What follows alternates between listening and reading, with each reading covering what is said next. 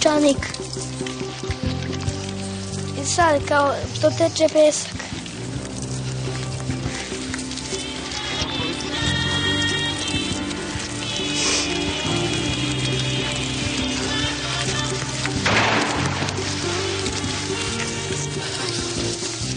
Živet ćemo, radit ćeš ko rob.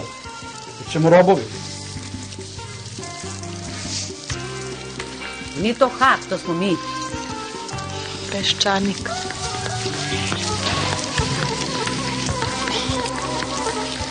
Dobro, koliko ima staža ti pa kad si... Ja imam 15 godina radnog staža, počeo sam da radim sa 18 godina. A, ma, nisam se ja naradio, ja hoću i dalje da radim, ali mi ne dozvoljavaju da Ne dozvoljavaju mi da radim. Pazi, mi pričamo o radu, ali imamo šta da radimo. Ajde da postavimo pitanje šta da radimo. Ja sam šest sati puta do Banja Luke gledala u pod pod autobus. Nisam više mogla da podnesem da gledam srušenu, spaljenu, izrešetanu. Srušenu, spaljenu, izrešetanu. Peščanik. Možda Đinđić to hoće što trči, skači, plivaj. Slušajte emisiju Bože, on hoće da mi vintamo od jutra do sutra, jer on lud. Ovde je moja zemlja koju da napustim nikad neću. U ovom referendumu, kad smo mi trebali da odlučimo da će dođe Felipe Gonzalez i još dva neka pedera španca, 5 miliona 300 hiljada ljudi je došlo da kaže ko vas jebe. Gde je nestalo tih 5 miliona 300 hiljada ljudi danas? 5 miliona vratno ušlo u DSS i zaboravilo automatski da ikada pripadao bilo čemu nego Koštunici. pošto ja izuzetno cenim i gospodina Đelića, Sušćak veliki radi za nas danonoćno, gospodin Lavus, Pitić, Vlahović, Matković, kao ova e, fina žena, lepa žena, lepo rade. E, ako vidim da su oni rekli da su spakovali kufere, onda znači da sad za dugo vreme smo pali opet neki ambis. Vidjet ćemo koji. ljubavlju i mučninom. Tako mislimo o Srbiji, s ljubavlju i mučninom.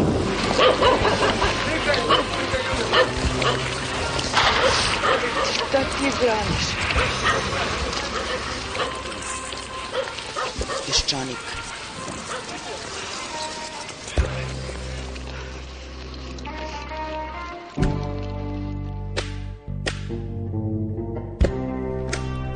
Dobar dan, poštovani slušalci. Čuli ste da je haškim optužnicima ostalo još 2-3 dana slobode, onda će iza rešetaka, a mi e, takozvani slobodni ili oslobođeni od 5. oktobra, slobodni smo ponekad mi se čini na onaj način na koji su to a, bili golotočani. Jedan je, kad su ga pitali mnogo godina potom, kad si ti izašao iz zatvora, on je rekao izašao sam 12. jula iz zatvora, ali na slobodu nikad nisam stigao.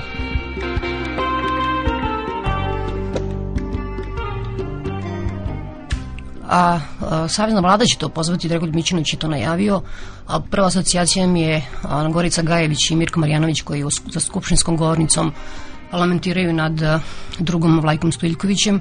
Ne znam da li ste videli tu parolu na kojoj je pisalo oni koji su zapalili ovu skupštinu ugasili su tvoj život.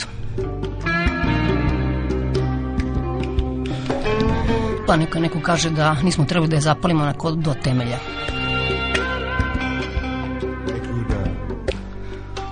A juče je u Medija centru u organizaciji Fonda za humanitarno pravo održana je rasprava pod nazivom Kako viđeno, tako rečeno. Povod je inače bio izveštaj misije OEPS-a o stanju ljudskih prava na Kosovu od oktobra 98. do oktobra 99. U raspravi, koja zapravo nije ni održana, Zbog gnevnog istupa članova porodica kidnapovanih Srba sa Kosova učestvovali su Nebojša Čović, Dušan Mihajlović, Rada Trajković, Nataša Kandić, novinar Koha Ditore, Adriatri Keljmendi i njegov kolega iz Peći Dukađin Gorani. Bilo je sasvim očigledno od samog početka da će do incidenta doći jer su članovi porodica kidnapovanih tek stigli iz rudara gde su pod onim šatorima pokušavali da po komadima odeći definitivno saznaju ono što im svi, pa i Mihajlo Štajner govore, da su članovi njihovih porodica mrtvi. Ta scena u kojoj se laktovima dodiruju žena koja u ruci drži fotografije svojih nestalih i, Adri, i Adriati Keljmendi koji na albanskom govori o masakrima srpskih snaga na Kosovu nije obećavala ništa dobro od samog početka. Rada Trajković je sedela tik uz Dukađina Goranija i stojički podnala njegove reči da Srbi ne žele da shvate da Albanci sa Kosova nikada neće prihvatiti okupaciju Beograda.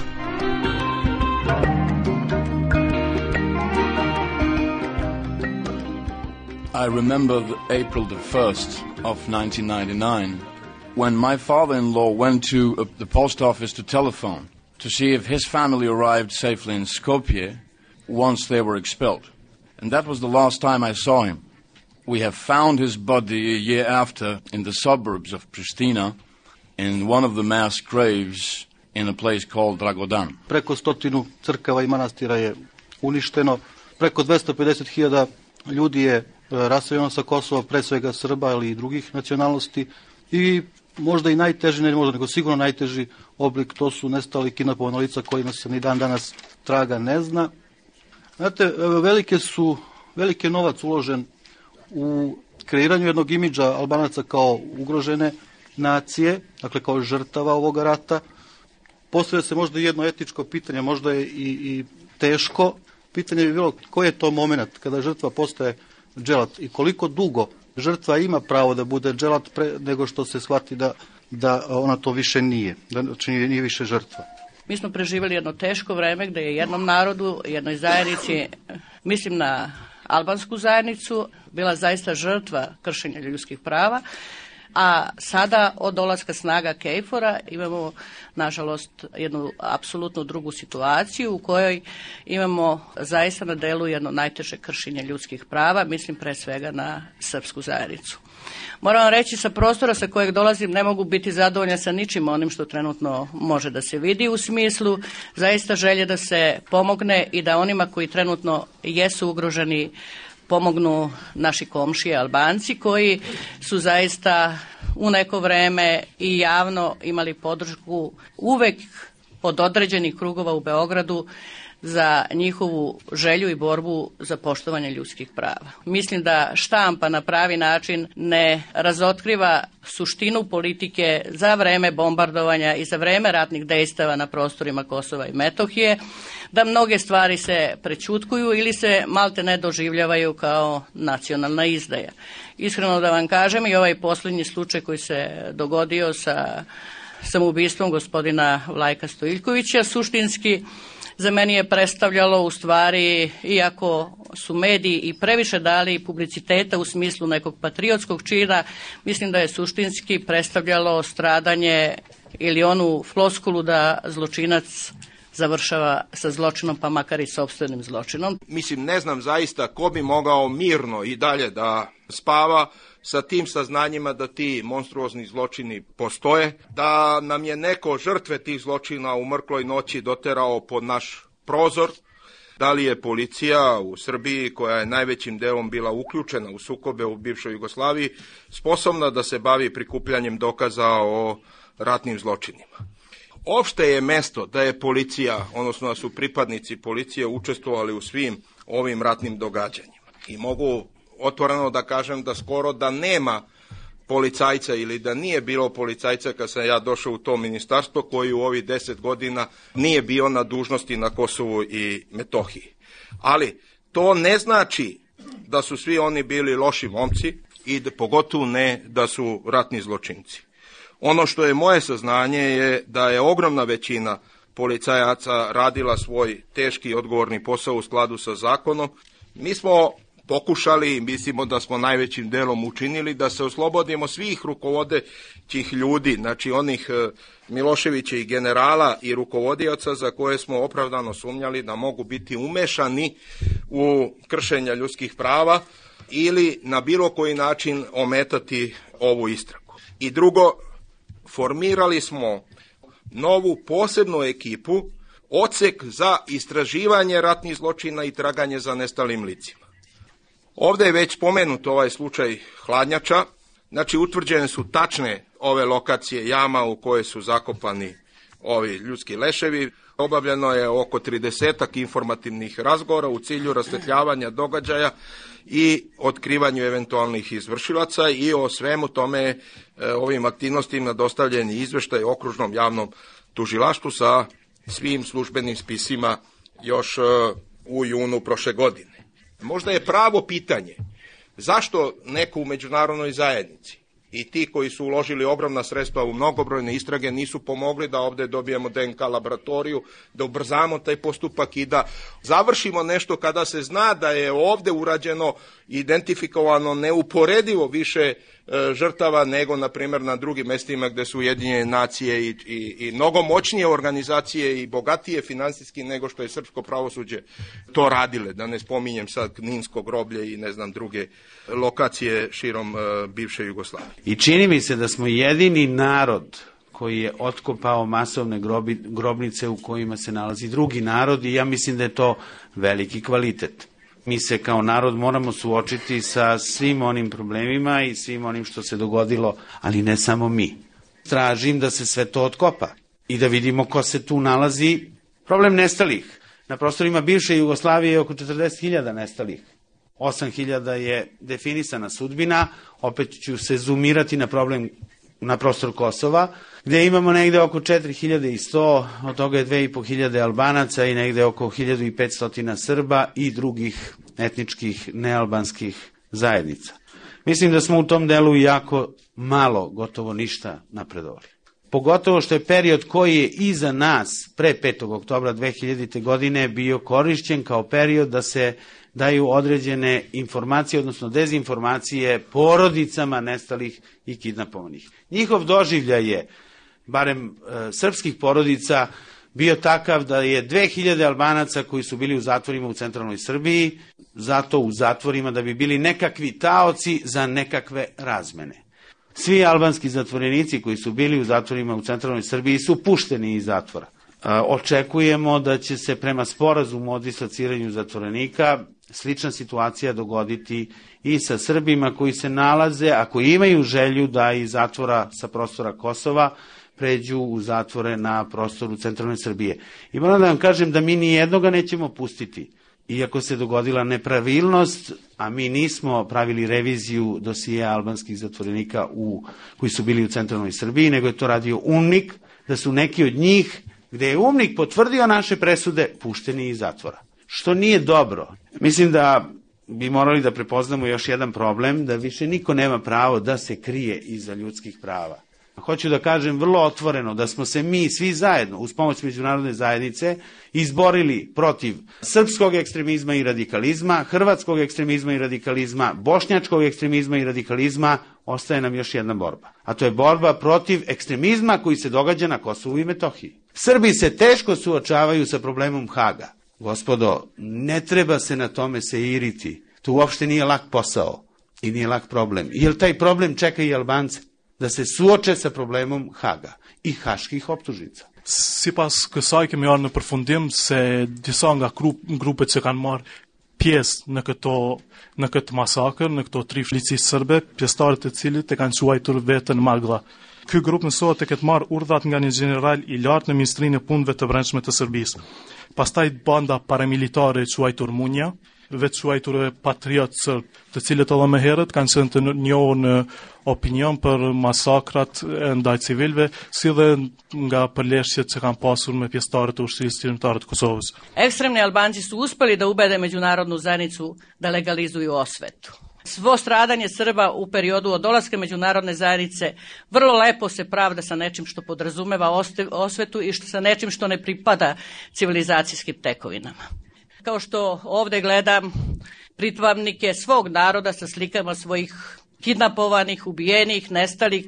Isto tako imam prilike da vidim na prostorima Kosova i Metohije mnoge majke i mnoge albanke koje isto tako drže svoje sinove, svoju decu, svoje čerke i koje ih traže. Ja danas verujem u pomirenje, verujem zato što si ovde u Beogradu, gospodine Keljmendi, što si govorio na albanskom jeziku i ja želim danas da u Beogradu se osjećaš podjednako prijatno i da mi omogućiš da i ja kada se budem vratila u Prištini isto tako prijatno se osjećam i da mogu slobodno da prošetam gradom, živim tamo, a još uvek nisam ni sa svojom porodicom, niti mogu slobodno da prođem i govorim svojim jezikom. Hvala. Ja sam Nadica Pumpalović, inače čerka, čiji su roditelji oteti. Ja se izvinjavam, ali ja moram jedan uvodni deo pre nego što postavim pitanje. Ne možete kratak, uvodni deo, molim ne vas, ako možete smo mi imali deo. strpljenja da slušamo gospodu dva sata, valjda će i oni imati strpljenja da, da saslušaju nas. ne, zato što to nije Neće tema, vi morate da nikakvih postavite grubih reči, ni izjava. Molim vas, pitanje. gospodinu Gerardu, ne znam kako se zove, iz se gospodin, on je ambasador Gerard Študman.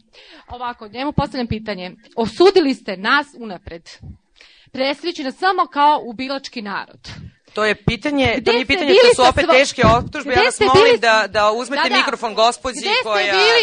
Meni su Ja- Albanci ja- ubili ja pradedu, čukuredu, Proglašam pauzu, mi i ne možemo da odgovaramo na ova pitanja. Spaljeni ni su četvrta ambasador, niti generacija. bilo ko či- ovde može o Molim tome da razgovara. Pa gde su moja ljudska prava onda? Ako mi ne date da govorim. Kako se zovete i osti, postavite pitanje. E. Zovem se Desanka Pejčinović iz Peći. Pitanje za? Pitanje za gospodina Goranija. Naša deca su kidnapovana, ali nisu i nestala. Ona Pitanje? se nalaze, gospodine Gorani, u rukama tvojim, u rukama Čekua Haradinaja. A vama postavljam pitanje, gospodine Gorani, lično vas znam iz Peći i celu vašu porodicu znam. I kako ste sebi mogli danas da dozvolite, dođite opet, ja ne mogu da vas pozdravim, ali ćete, shvatit će publika zbog čega. Šest momaka u peći, u, u kafiću Panda ubila je vaša porodica Gorani. E, polako, polako, polako, polako, njihove- izvinjavam da, da, se, da, izvinjavam se. Vreme njiho nije dozvolilo Gospođo, vi njihovim- niste postavili pitanje, vi postavljate vrlo teške to. optužbe i vređate. E, molim vas, A, kidnaperi naše dece su u Pa ja peći, mogu, imena su u našim rukama. A bili smo fini dve, tri godine, niste nas čuli do kraja. Tri godine pokušam da dođem do kuće, ne mogu da dođem do kuće, on je došao u Beograd. Pa kažite mi koliko ima švicar u Beogradu, bre, pa boli me to da me se optužuje. Mene ne sveta, zašto ja ne mogu da idem u moju kuću, gospođo? Jeste, to je nepravda. Pa kako onda nije ne nepravda? možete pravda. Pa neće mi pričaju o nekim pravima, oni pričaju o ljudskim pravima. Ako vaši e, e, lideri i ti koji su vodili tu vojsku odu ovaj tamo gdje mi je mesto i Srbi, mi ćemo ugroženi da razgovaramo s mirnim tonom. Su pravo ne? Stavite ruku na srce da je vaša familija, ne daj Bože, i ako doživa tragediju, ja, ja, to, ja cijenim i poštujem i žalim, ali mi smo isto ura- to uradili. Ja se nadam da ste u pravu i da će tako biti. E, pa ali vidiš šta se dešava. Od nadanja nema ništa. E, e, Znate gde smo minuti? Srbija oslobodila sve svoje zar- zarobljenike, a recimo OVK nije oslobodila ni jednog. Znači sve da ih ubiju, a mi da ne kažemo ko su zločinci da oni budu na slobodi. E, zato se mi borimo da oni odu tamo gde im je mesto. E tako. E tako samo recite. Ja nisam političar. Ne, ja kao čovjek sam prišao. Je tako? Ja treba i ovi zločinci tamo gdje je mesto i ovi zločinci. Je tako? Samo to odgovorite mi. Treba se E, stidiš svog nevaspitanja, pre svega. Nevaspitanja? Zašto, Nataša? Zato što si ih organizovao i primorovao ljude da se ne vaspitaju. Ko ih organizovao? Oni su došli iz Rudara, oni su došli iz Rudara, prepoznali su članove familije ubijenih. Koliko vi mjesečno primate plate, Nataša, kažete mi meni? Koliko mjesečno? Ko ima? A to znate! Kola, kola sam dobio za udruženje porodice Kidamo idemo na sahrane i posjećujemo porodice ubijenih. Mi prodamo pirinaš da idemo na proteste. Ko nas finansira da idemo na sahrane? Ko prima k- p- ubijene vojnike u metrima? Mi, ja, ja taj leš stavljam u sandu. Peščanik.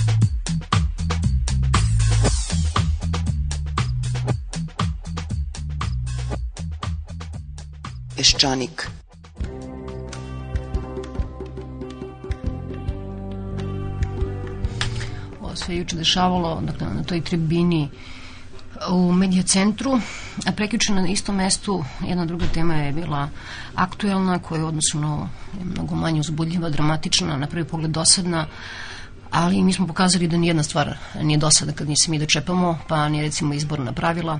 A, sećate se, pre neki dan je gospodin Labus najavio izbore na svim nivoima, a, rad za našu ljubav je počeo već odavno, a pre nego što se upuste u konačni obračun u kome, kako sada izgleda, ni kamen na kamenu neće ostati, učesnici trke naravno moraju da se dogovore oko pre, predizbornih pravila.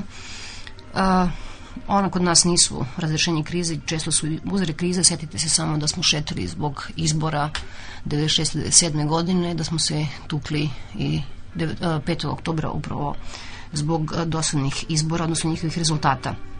Sećate se da smo upravo tih godina, 96. 97. godine, a, onako sa verom gledali jedino i slušali što nam Cesid kaže. A, a inače, Cesid je i predložio ovaj novi model zakona o izboru poslanika, odbornika i predsednika Republike. Na koricima ovog zakona je onaj njihov isti znak, a, srećite se, one jedne, jednačine koje do sada još mi nismo uspeli da rešimo, odnosno da je potvrdimo 1 plus 1 jednako je 2. A, Zanimljivo je da danas smo najavili da će predstavnici stranaka da se iz- izjašnjavu o ovom modelu zakona, a, prisustvovaće u, i OEPS, naravno. Inače, ovaj predlog zakona su pisali između ostalog gospodin Vladimir Goati, gospođa Zorica Radović, Slobodan Vučetić i e, profesorka Marijana Pajvančić sa Novosadskog univerziteta. Evo da čujete neke e, novine i najvažnije tačke iz ovog e, predloga zakona o izboru. Mi smo mislili da treba doneti jednu posebnu proceduru revizije ovog zakona, odnosno ustanoviti pravilo po kome tekući saziv parlamenta ne može sam sebi donositi zakon o izborima niti utvrđivati izborne uslove. Prihvatili smo načelo da u svim izborima postoji jedna izborna jedinica, dakle Republika Srbija je, ako gledamo Republički parlament, jedna izborna jedinica, opština je jedna izborna jedinica, dakle e, nema mogućnosti da se postavljanjem granice izbornih jedinica vrši uticaj na izborni rezultat. Drugo a, pravilo kojim smo želeli da sprečimo uticaj zakonodavstva na izborni rezultat je pravilo da se granice izbornih jedinica ne mogu menjati u vremenu od šest meseci pre raspisivanja izbora i da te promene moraju biti saglasne promenama u teritorijalnoj organizaciji. Dakle, samo ako se menja teritorijalna organizacija, mogu da se menjaju i granice izbornih jedinica. Treća grupa pitanja odnosi se na izborno pravo i ja ću tu skrenuti pažnju na tri novuma. Prvi se odnosi na glasanje naših državljana koji ne žive u Jugoslaviji nego u nekim drugim državama. E, Ovaj model zakon predviđa mogućnost da ovi građani, odnosno naši državljani, glasaju u zemljama gde se nalaze pod uslovom da zakonodavstvo te zemlje tu vrstu glasanja u diplomatskim i konzularnim predstavništima dopušta. Drugo, mi smo se rukovodili nekim elementima evropskih standarda koji dozvoljavaju stranim državljanima u ograničenom obimu biračko pravo. To znači da oni ne učestvuju u parlamentarnim izborima, ali mogu birati odbornike u lokalnim zajednicama u kojima žive. I treće, oni to pravo stiču pod uslovom da su stalno nastanjeni u Jugoslaviji najmanje pet godina pre održavanja izbora. Ja ću se zadržati na nečem što će vas verovatno ovaj, zanimati kada je reč o biračkom pravu i to pasivnom biračkom pravu za izbor predsednika Republike. Reč je o tome da pasivno biračko pravo za izbor predsednika Republike ne bi sticali građani sa punoletstvom, nego u starijem uzrastu sa 40 godina. I drugo, da moraju imati prebivalište u Republici Srbiji najmanje 10 godina. Četvrto pitanje je ono, ono pitanje koje se odnosi na tip izbornog sistema. Mi smo se odlučili za proporcionalni izborni sistem na svim nivoima, dakle i na republičkom i na lokalnom. Na lokalnom to sada nije slučaj, tu je većinski izborni sistem. Odlučili smo se da u raspodeli mandata koristimo jedan metod koji do sada nije korišćen kod nas, to je metod matematičkih srazmera, koji najkraće rečeno manje favorizuje velike stranke, što čini inače Dontova metoda po kojoj sad raspodeljujemo mandate i utvrdili smo izborni prag, odnosno cenzus od 2% glasova na nivou izborne jedinice za koji se kandidati biraju. Ono što do sada nije bio slučaj, to je da se uz listu kandidata dostavlja osim postojećih i potvrda o imovnom stanju kandidata na kandidatskoj listi i potvrda, odnosno njegova izjava o tome da će poštovati dakle, taj finansijski aspekt izborne kampanje.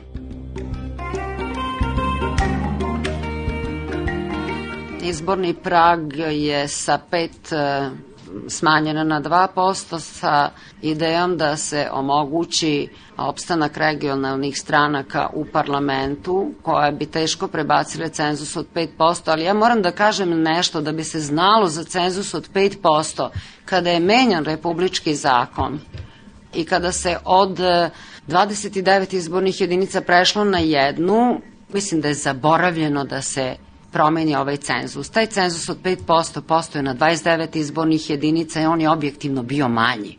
On je na na nivou 29 izbornih jedinica sa cenzusom od 5%, to nije veliki cenzus, ali na jednoj izbornoj jedinici jeste veliki. Dakle, to je razlog što smo mi zapravo hteli da dopustimo mogućnosti i regionalnim strankama i strankama nacionalnih manjina da budu zastupljene u parlamentu, ali naravno da vrata parlamenta ipak ostanu zatvorena za baš sve stranke, da ipak moraju da prebaca jednu kritičnu masu glasova da bi dobile parlamentarno mesto.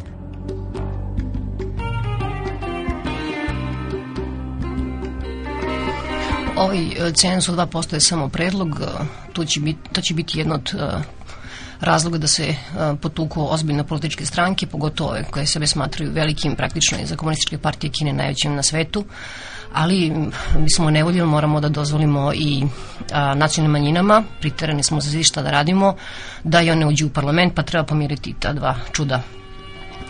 A u, sada ćete slušati gospodina Miljenka Deretu iz građanskih inicijativa. Jedan čovjek je se ubio na stepenicama Saveznog parlamenta. Pritom se niko iz njegovog okruženja nije zbog toga iznenadio. Za mene je to strašan podatak da njegovi drugovi pod navodnicima nisu sa njim raspravljali o tome daj da mu uzmemo pištolj, daj da mu oduzmemo oružje, daj da ga odgovorimo od takvog jednog postupka, nego su se s njim dogovarali gde je zgodnije mesto da se to uradi, gde je politički efekat veći. Znate, ako neko ima tu vrstu problema i tu vrstu najve, ja mislim da je obaveza svakog iz njegovog okruženja da ga tome spreči. Znači, to govori o jednom, o jednoj instrumentalizaciji ljudskog života koji je zastrašujući, koji je okrutan, koji je, kako bih rekao, ružan, zato što se pre svega koristi, bar je pokušano da se iskoristi u, u političke svrhe. I u tom smislu, recimo, za mene je nedopustivo da se pola sata po tom događaju predsednik Republike ni manje ni više oglasi i to ne saopštenjem, nego ide u javnost i koristi takođe tu taj događaj da još jednom ponovi svoj stav prema sudu Haškom, da poveže to sa Haškom. Mislim, halo, prizovite se pameti. Mislim, prosto, evo, meni nedostaju reći da neko ko je na takvoj funkciji nema to elementarno političko znanje, taj instinkt da kaže čekaj, stani da vidimo šta kako se zna, pa ću ja onda eventualno za sedam dana da se pozovem na taj događaj. Naravno, izrazit ću saučešće porodici jer on bio član parlamenta i tako dalje. Ali da ide u javnosti, da, da nas je to za sve nas opomena, da se zbog toga otkazuju učešću u međunarodnim događajima, jer to, Bože moj, destabilizuje zemlju. To znači da mi percipiramo našu zemlju iz dva potpuno različita ugla. Ja ne vidim da je to destabilizovalo našu zemlju na bilo koji način. Predsednik moje države misli da jeste. Alo, ko tu vidi realnost, ko ne vidi realnost? Znači, mi smo u ovom trenutku u, u tom smislu u jednoj vrlo čudnoj situaciji da se bojim da u stvari sve to priprema za nekog novog spasioca. Pošto je situacija takva, kakva je delikatna, nestabilna, to stalno, naš predsjednik stalno govori o nestabilnosti našeg, pa ne diraš vojsku, nestabilni smo, pa evo, ovaj čovjek, je to izvršio sam isto, pa nas je destabilizovao ponovo, potpuno, kako bih rekao, jedna priprema terena, po meni, može da bude, možda, nadam se da nije, za to da se kaže situacija je takva da zahtjeva vanredne mere da bismo stabilizovali situaciju, da bismo obezbedili legitimne i fair izbore, koje mi hoćemo, a svi drugi neće. Znači, e, ja se jako bojim stvari te jedne politike koja kreira ponovo krize kao što to Milošević radio, da bi održala svoj kredibilitet i da bi negde opravdala svoje postojanje. Znate, za mene je e, rečenica koju je zadovoljni Koštunici izgovorio posle potpisa o ovome što se zove Srbija i Crna Gora, kad je rekao ovo prvi znak diskontinuiteta. Sa čim? Ja, za mene je bio mnogo veći znak diskontinuiteta da je smenio Pavkovića. To, da je to ustavni diskontinuitet u odnosu na FNRJ, SFRJ, ne znam sve kako se to zvalo, mislim da je potpuno nevažno. Važno je šta ja vidim kao konkretan rezultat održane vlasti. Čitajući to opušteno pismo u kome je dakle DOS direktno prozvan kao odgovoran za to što, što e, se dogodilo i što će se dogoditi, jel? Za mene je logično da oni nisu pristojili komemoracije, znate, to to naprosto ne bi bilo u redu. Čovjek ih optužio da su krivi za njegovu smrt, a oni dolaze i sad mu šta, odaju počest. To što je DSS prisustovao, naravno još jedan dokaz da oni de facto nisu DOS. Znači, nosičaju se kao oni koji su, da tako kažem, odgovorni i za zakon i za sve te, to što je Vlajkov Stojković u svom pismu naveo. To, oni su se sami tu istrali na čistinu, ako smijem tako da kažem. Oni će naravno reći da je to pitanje pristojnosti bilo i ne znam nija kako i ovako, ali je to istovremeno jedan politički gest i jedna politička poruka koja je vrlo jasno poslata građanima. I naravno, suočeni sa tom vrstom poruka, oni čije način mišljenja bi trebalo menjati, mnogo su, kako bih rekao, žilaviji u čuvanju onog starog nego što bi trebalo da budu. Naprosto hrani ih se stalno, podsjeća ih se, znate, taj, taj miris im se stalno predočava i onda oni idu za tim mirisom. Ja ne znam zašto oni misle da e, će građani pozdraviti činjenicu da su oni zajedno sa radikalima i socijalistima. Možda je njihova računica opet vrlo pragmatična, ali na drugi način. Pošto građani je ovako, oni koji su bliski idejama socijalista i radikala, najverovatnije više neće glasati u tako velikom broju za njih, evo mi se nudimo za kao njihova alternativa. Što nas vodi do sledećeg koraka, ako oni jesu njihova alternativa, u programskom smislu, ako glasači tako prepoznaju, onda smo mi opet pred velikim problemom.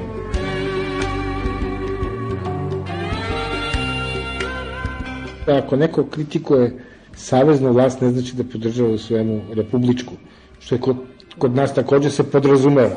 Ako kritikujem jednog, znači podržavam drugom. Ne. E, ja mislim da, da Đinđić pravi istu vrstu greške koju pravi i Koštunica. I on se javlja na pogrešan način po svim pitanjima. Ne mora. Ako je njemu kao premijeru problem da to rešava sa Velimirom Ilićem iz pragmatičnih razloga, onda on ima jedan kanal koji ne koristi, a to je njegova stranka. Onda njegova stranka može da ustane, a onda čuti. Znači, on takođe previše komunicira, pravdajući svaki svoj postupak interesom reforme. Ja mislim da on pokušava politički da konflikt svede na dve grupe. On ne želi da, tako kažem, produbljuje konflikt sa onim koji su manji igrači, je rečeno. On se koncentrisa na svog glavnog oponenta i pokušava tu da pobedi. Ja bih voleo da smo mi jači koji mislimo drugačije. Očigledno je da nismo dovoljno jaki da to odradimo na pravi način i onim, onim intenzitetom kojim bi trebalo. Mislim, mislim nedavno go razgovarali o tome, o toj nekoj brzini koja je nametnuta.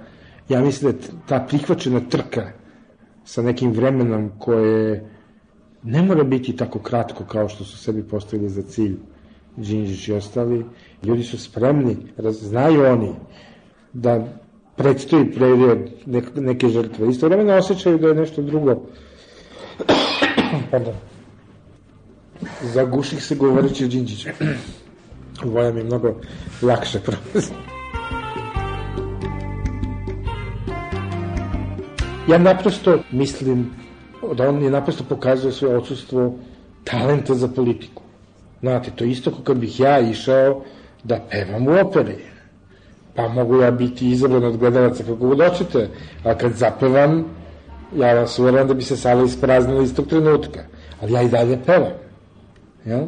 I moja porodica vjerojatno uživa u tome i ono moje neposredno okruženje, ali svi drugi me neće slušati. On naprosto nije za mesto na kome se nalazi. Jer on može biti vrhunski stručnjak i pravnik, ali on je naprosto loš političar. Budući da je loš političar, on se jako oslanja na svoj savjetodavni tim.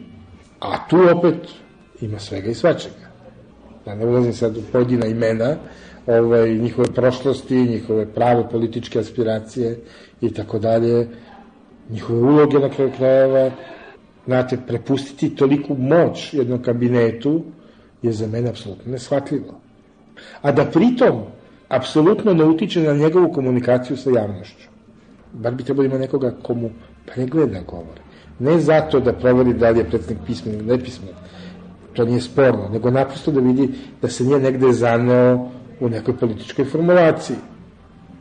Ja pamtim rečenicu koja za mene paradigma onoga što se događa u njegovoj glavi, a to je povodom godišnjice bombardovanja, ono saopštenje koje on izgovorio. Dakle, mi moramo promeniti politiku koja je poslala pre 24. marta 99. godine.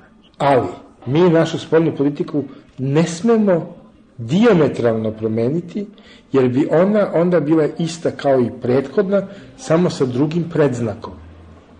Prosto ne mogu da verujem da neko može da napiše takvu rečenicu i da u njegovom okruženju nema nikoga ko bi mu rekao, izvini, te gospodine predsjedniče, ali ova rečenica prvo nije jasna ljudima, drugo mislim da nije tačna, jer ja sam pisao o tome i, i rekao sam da, da to znači da je rat isto što i mir, samo sa drugim predznakom.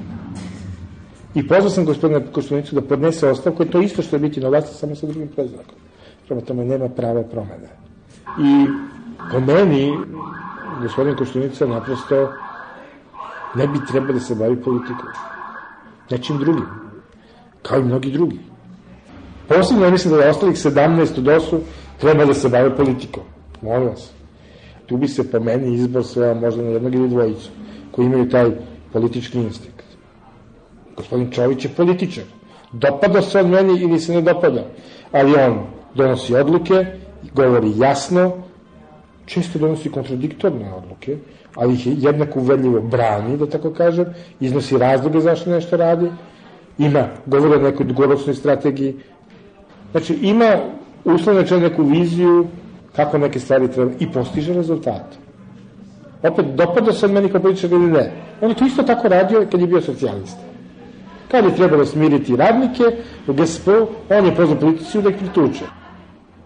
I smirio ih. Ja to ne zaboravljam, prema tome gledam ga u tom svetlu. Đinđić ima neke od tih kvaliteta. Znači, ima sposobnost i spremnost da preduzme određene odluke, da donese odluku Da zna koje su konsekvence toga, i dobre i loše, ali da stane iza tako nečega. Od svi ostali, onako, čovjek da stane pa da se pita. Mi imamo jedan savezni aparat koji apsolutno nema nikakve ingerencije. On se ponaša kao tetka iz inostranstva. Samo kritikuje i kaže, vi tamo ne živite dobro i ne radite dobro.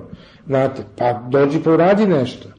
I ja zaista doživljavam celu tu saveznu, savezni aparat kao jednu, nešto što je potpuno izvan mog života, kakve to veze sa mnom ima. Ja? I dok se to ne promeni, a trebalo da se promeni, promeni na način koji je drugačiji od ovoga koji, će se, koji je dogovoren, doduše vidjet ćemo, eksperiment možda i uspe, i dok mi ne budemo samo, evo i vi i mi, kritikovali, nego budemo i mi govorili o nečemu što je dobro, što je urađeno, što je, kako bih rekao, jedan pomak, što je neko iskustvo koje smo stekli, koje možemo da podelimo s drugima. Jer na tome ljudi uče.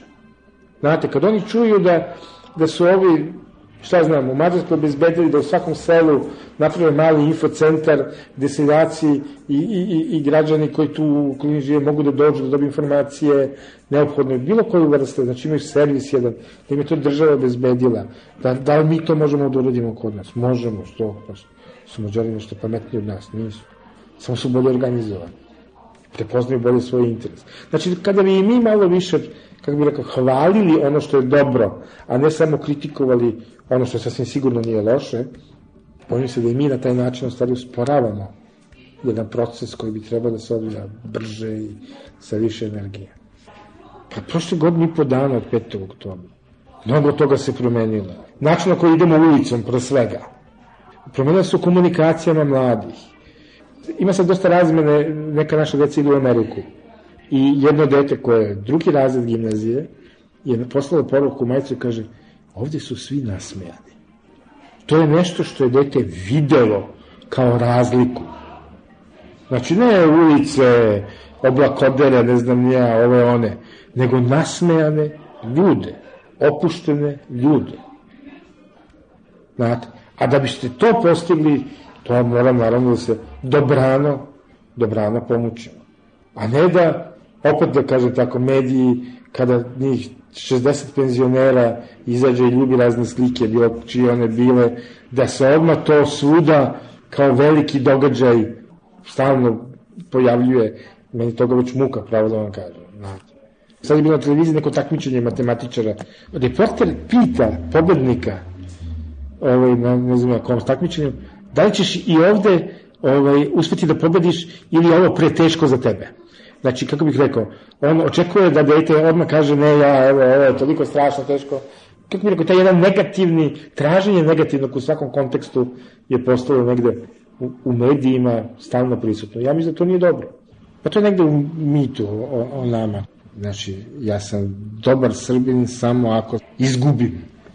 Jer biti pobednik i biti Srbin to baš nije izgleda česta pojava.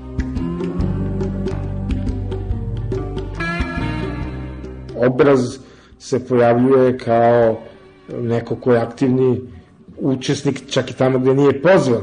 Znači, jedna, jedna agresivna politika u kojoj se interes srpskog naroda kao etničke grupe postavlja iznad interesa građana.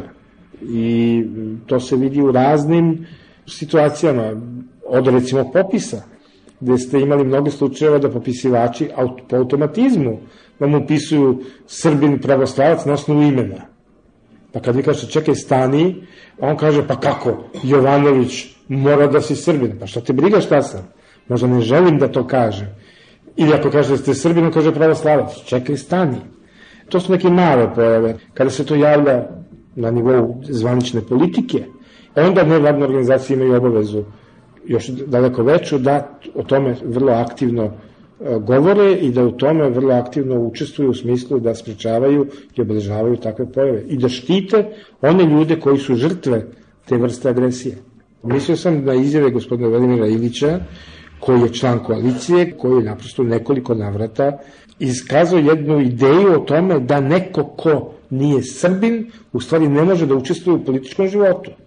Nije njega interesovala labost njega je tu interesovala to što on misli da mu to donosi glasove.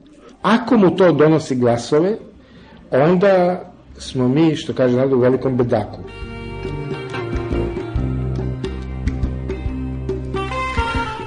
Izjava novo imenovanog profesora tehničkog fakulteta u Čačku, stručnjaka za sitna, sitna i srednje preduzeće Velimira Ilića, o poreklu gospodina Labusa izazvala je, e, e, tako da kažem, e, okupljanje nevladinih organizacija među kojima je upravo i u kojima su i građanske inicijative gospodina Miljenka Derete da organizuju jedan fond, to se sada zove, koliko ja znam, fond za odbranu, odnosno borbu protiv govora mržnje. Naravno, nije reč samo izjavi gospodina Labusa, tu je i serija tužbi da vas podsjetim samo da Miodrag Popov tuži Petra Lukovića, da Ćosić tuži danas, da mu se pridružio i ovaj Goran Hadžić, sećate se onog iz Vukovara, onog čoveka koji je bio predsednik Republike Srpske krajine, a, zatim da Marija Milošević, da bome, danas će od Marija Milošević najavila da će tužiti celu državu što mu je otela tatu i poslala u Hag, a, tu su i suđenja Kusturice protiv Biljane Srbljanović i tako dalje. Slušate komentar gospođe Svetlana Slapšak. Na jednoj od mojih oglasnih tabli, rasutih iznad improvizovanih mesta za rad u ratnim godinama, zakačen je mali žuti beč sa precrtanim brojem 113. Ne rasturam improvizovana mesta za rad zbog lenjosti i zbog sećanja. Tako je i ovaj istorijski predmet, zbog čijeg se nošenja hapsilo pre 20 godina, ostao gde je. Reč je o paragrafu Jugoslovenskog krivičnog zakona koji je označavao verbalni delikt. Borba protiv verbalnog delikta označila je ne samo najmasovniju disidentsku i paradisidentsku aktivnost 70. i 80. već je kao koncept prevladala u starijoj, riziku izloženijoj i svakako autentičnijoj disidentskoj grupi koja se zalagala za slobodu izražavanja i ljudska prava, dok su se pridošlice paradisidenti zalagali za kolektivna i istorijska prava. Tako smo i propali. Slabi diskurs prava za sve i jaki diskurs prava za naše pre svih. Znamo ko je pobedio. Samo je iz duboke ignorancije mogao neko, kao na primjer Biljana Srbljanović, da se javno pita šta ćemo sa tim disidentima i sadašnjim antiratnim profiterima. Kada sam taj intervju citirala, autorka mi je na međunarodnom skupu u Gracu krajem oktobra 2000. priredila akciju ugrožavanja ugleda koju sam opisala u domaćoj štampi. Kako god bilo, u toj aferi se morala biti potpuno nesvesna da zadovoljenje mogu postići sudskim putem. Uvreda, šteta nanesena međunarodnom ugledu i tako dalje.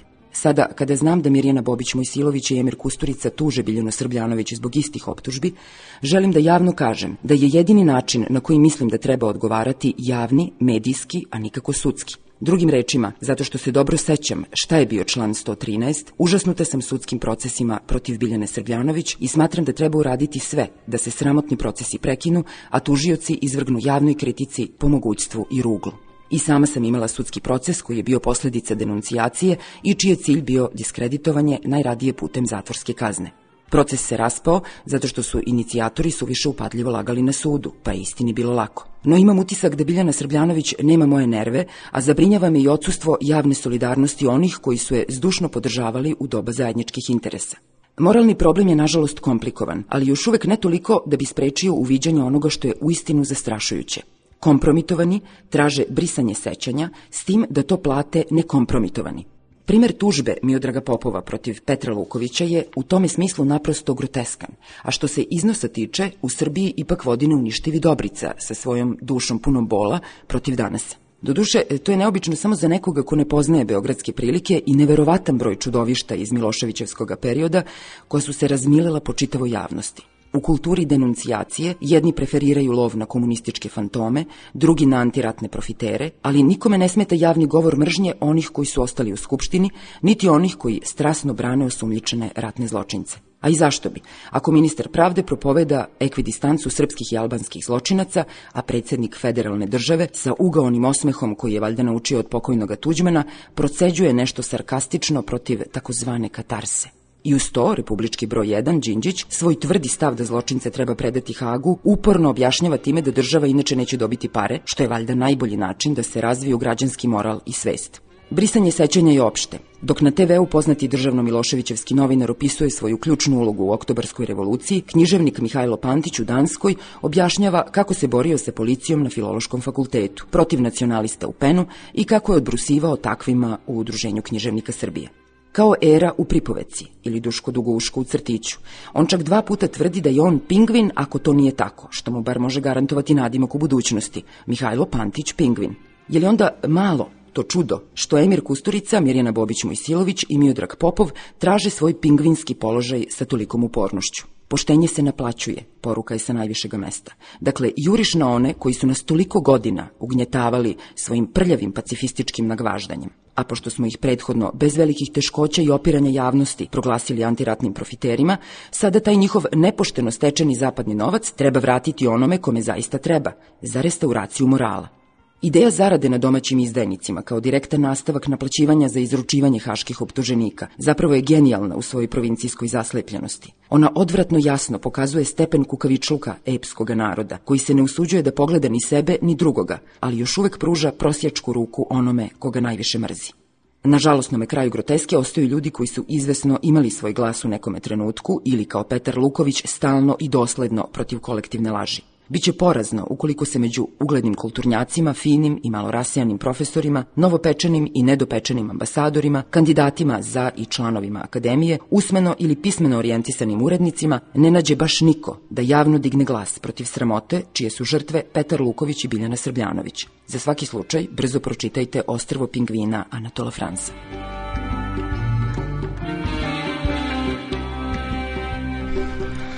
I na kraju emisije Peščanik slušate gospođu Drinku Gojković, ona rukovodi našim centrom, dakle, dakle dokumentacijnim centrom radi B92, ratovi od, 99, od 91. do 99. godine. Sretnem ja Vidosava Stevanovića u Mostaru posle jako mnogo godina na tom mostu u Mostaru i kako si, ja pa dobro sam. Kako si ti? Kaže, ja sam odlično. Ovo je deset najsrećnijih godina mog života. U sred Mostara. Pa mislim, u redu, ajde, ako mu je najsrećnijih, bar ne sme to da kaže. Jel?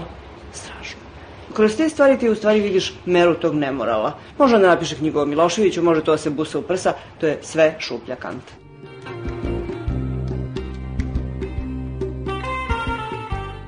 u većem smo problemu nego što smo mislili. Grozno. Ne znam, trebalo bi hitno da menjamo sve vlasti, samo što nemamo zamenu. Uopšte. Ja mislim da je jedini način smena političkih generacija. To uopšte nije na vidiku. I u stvari se čovjek pita kako, jel, kako da se iziđe iz tog totalnog ćorsokaka, sad već totalnog ćorsokaka. Što mi tako slučajno da saznajemo da je Srbija juče prestala da finansira Republiku Srpsku, vojsku, jel? Što mi uzgred da saznajemo da postoje neke hladnjače, pa sutradan više to nije medijski zanimljivo ili haški zanimljivo i doviđenja.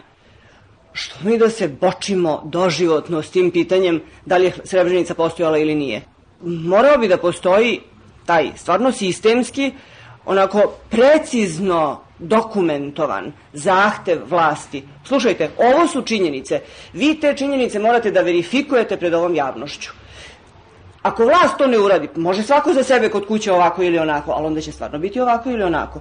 I onda će opet, naravno onaj ko sedi pa plače dok gleda krih iz groba i dalje da nastavi da plače, onaj ko kaže ma ne, sve to falširano, režirano i u stvari nepostojeće, može i dalje da izvikuje potpuno slobodno sve to. Ovde nema, ma ne da nema moralnog repera, nema činjeničnog repera. Te tako činjenice plivaju po vazduhu I sad ko šta uhvati i kome se šta dopadne da vidi, da javno kaže, da javno sakrije, jel? Jedna potpuna neobaveznost sa backgroundom od 300.000 pobijenih ljudi.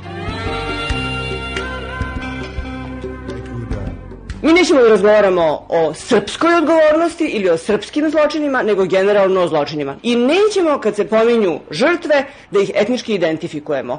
Ali ti su ljudi pobijeni zato što su to i to. I ne možeš ti njima oduzivati tu nacionalnost, pogotovo zato što su oni iz tog razloga pobijeni, drugog razloga nije bilo uopšte. Jel? Dakle, daj da stanemo na zemlju i daj da vidimo taj sukob u njegovim formama tada postojećim, ne u našim fantazijama današnjim. Tim fantazijama koje zaista ubijaju svaku tragičnost događanja i ubijaju pritom svaku odgovornost. Um, nije bitan broj, ama kako nije bitan broj? Kako nije bitno ko je imao nadmoćnu vojnu silu? Kako nije bitno gde je najviše pobijenih ljudi? I taj broj od 200-300 hiljada ljudi, mi znamo da li je 200 ili je 300, to je 100 hiljada ljudi razlike. Koji su to ljudi? Gde su ta imena? Ko stoji iza tog broja? To uopšte nikoga ne zanima. Da zločinci budu kažnjeni u redu. I šta smo onda uradili? Sad smo mi izručili Miloševića u Hag i možemo da se češkamo po stomaku. I onda, naravno, u takvoj javnoj atmosferi može Đinđić da kaže Rating Srbije će porasti jer ćemo imati još nekoliko izručenja.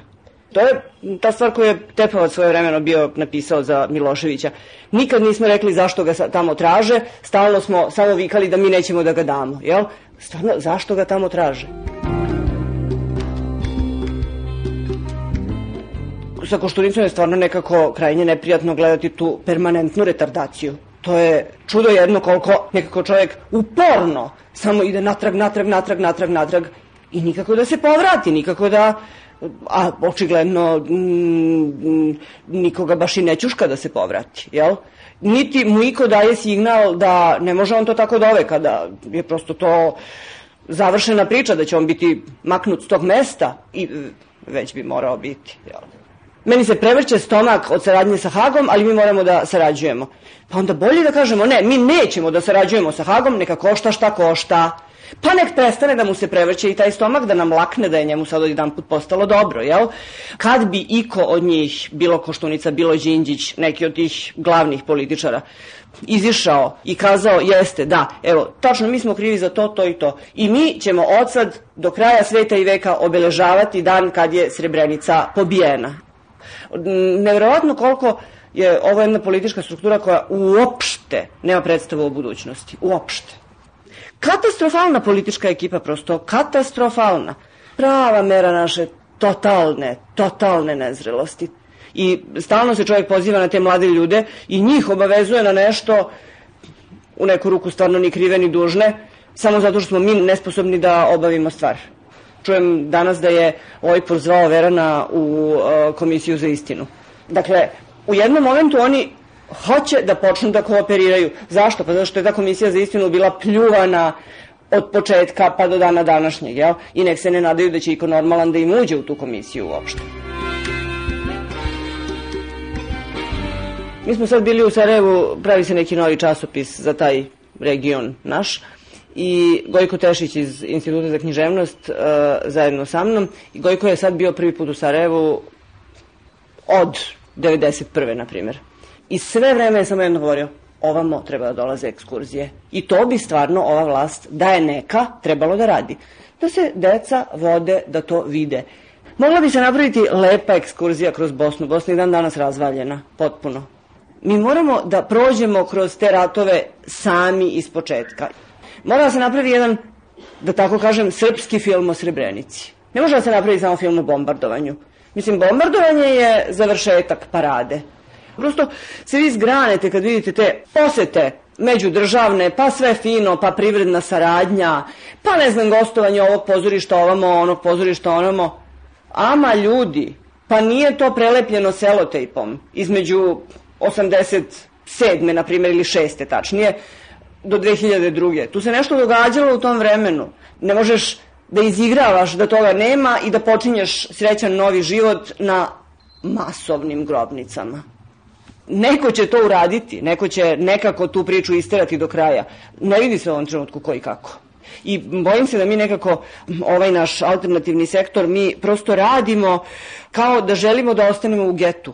Kao da mi u stvari nikako ne bismo hteli da izgubimo tog neprijatelja unutar sobstvene sredine. Mi hoćemo da se prema nekome odredimo kao jedino moralni. Svi vi ostali ništa ne kapirate, vi niste u stanju to da shvatite i pošto niste, mi s vama nećemo ni razgovarati. I tu si onako između ničega i ničega.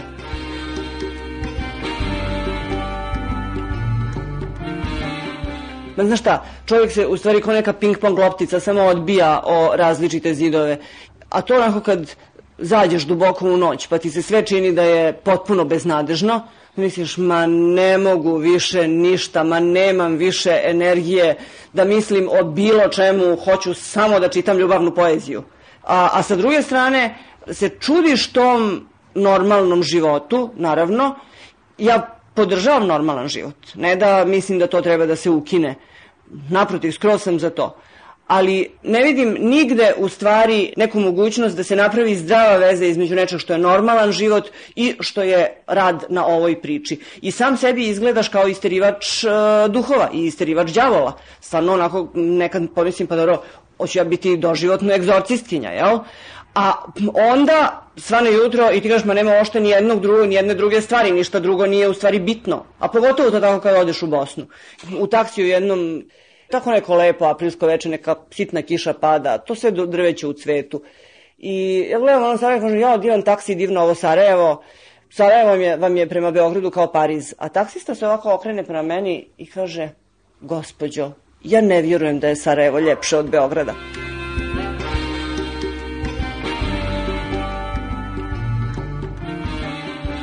Jedino mi je nekako kad ste rekli da je pala holandska vlada, to sam čula sinoć, evo jedino što mi ovako dođe da vam kažem, nadam se da će pasti i onaj zatvor u njenoj prestonici, koji inače bio za vreme drugog svetskog rata u kome su državni su bili su hapšeni i streljani e, rodoljubi e, holandski koji su se borili protiv fašizma i nadam se da će taj zatvor i taj tribunal u prestonici holandske države pasti tako definitivno, a ništa ne znam u slučaju Srebrenice, ne znam ni zašto je pala holandska vlada, ako me već to pitate, to spada u korpus ličnih pitanja, pa vam tako stvarno iskreno kažem.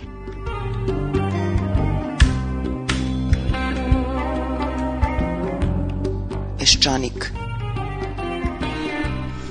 Ova iskrena, ova iskrena gospa je, ne moram da vas podsjećam na te glas, Mirjana Marković, a ovo je bila emisija Peščanik. Hvala vam što ste nas slušali, izvinite što smo se odbojili od vesti, malo kasnimo, za minut ćete čuti najnovije vesti radi B92. Prijetno.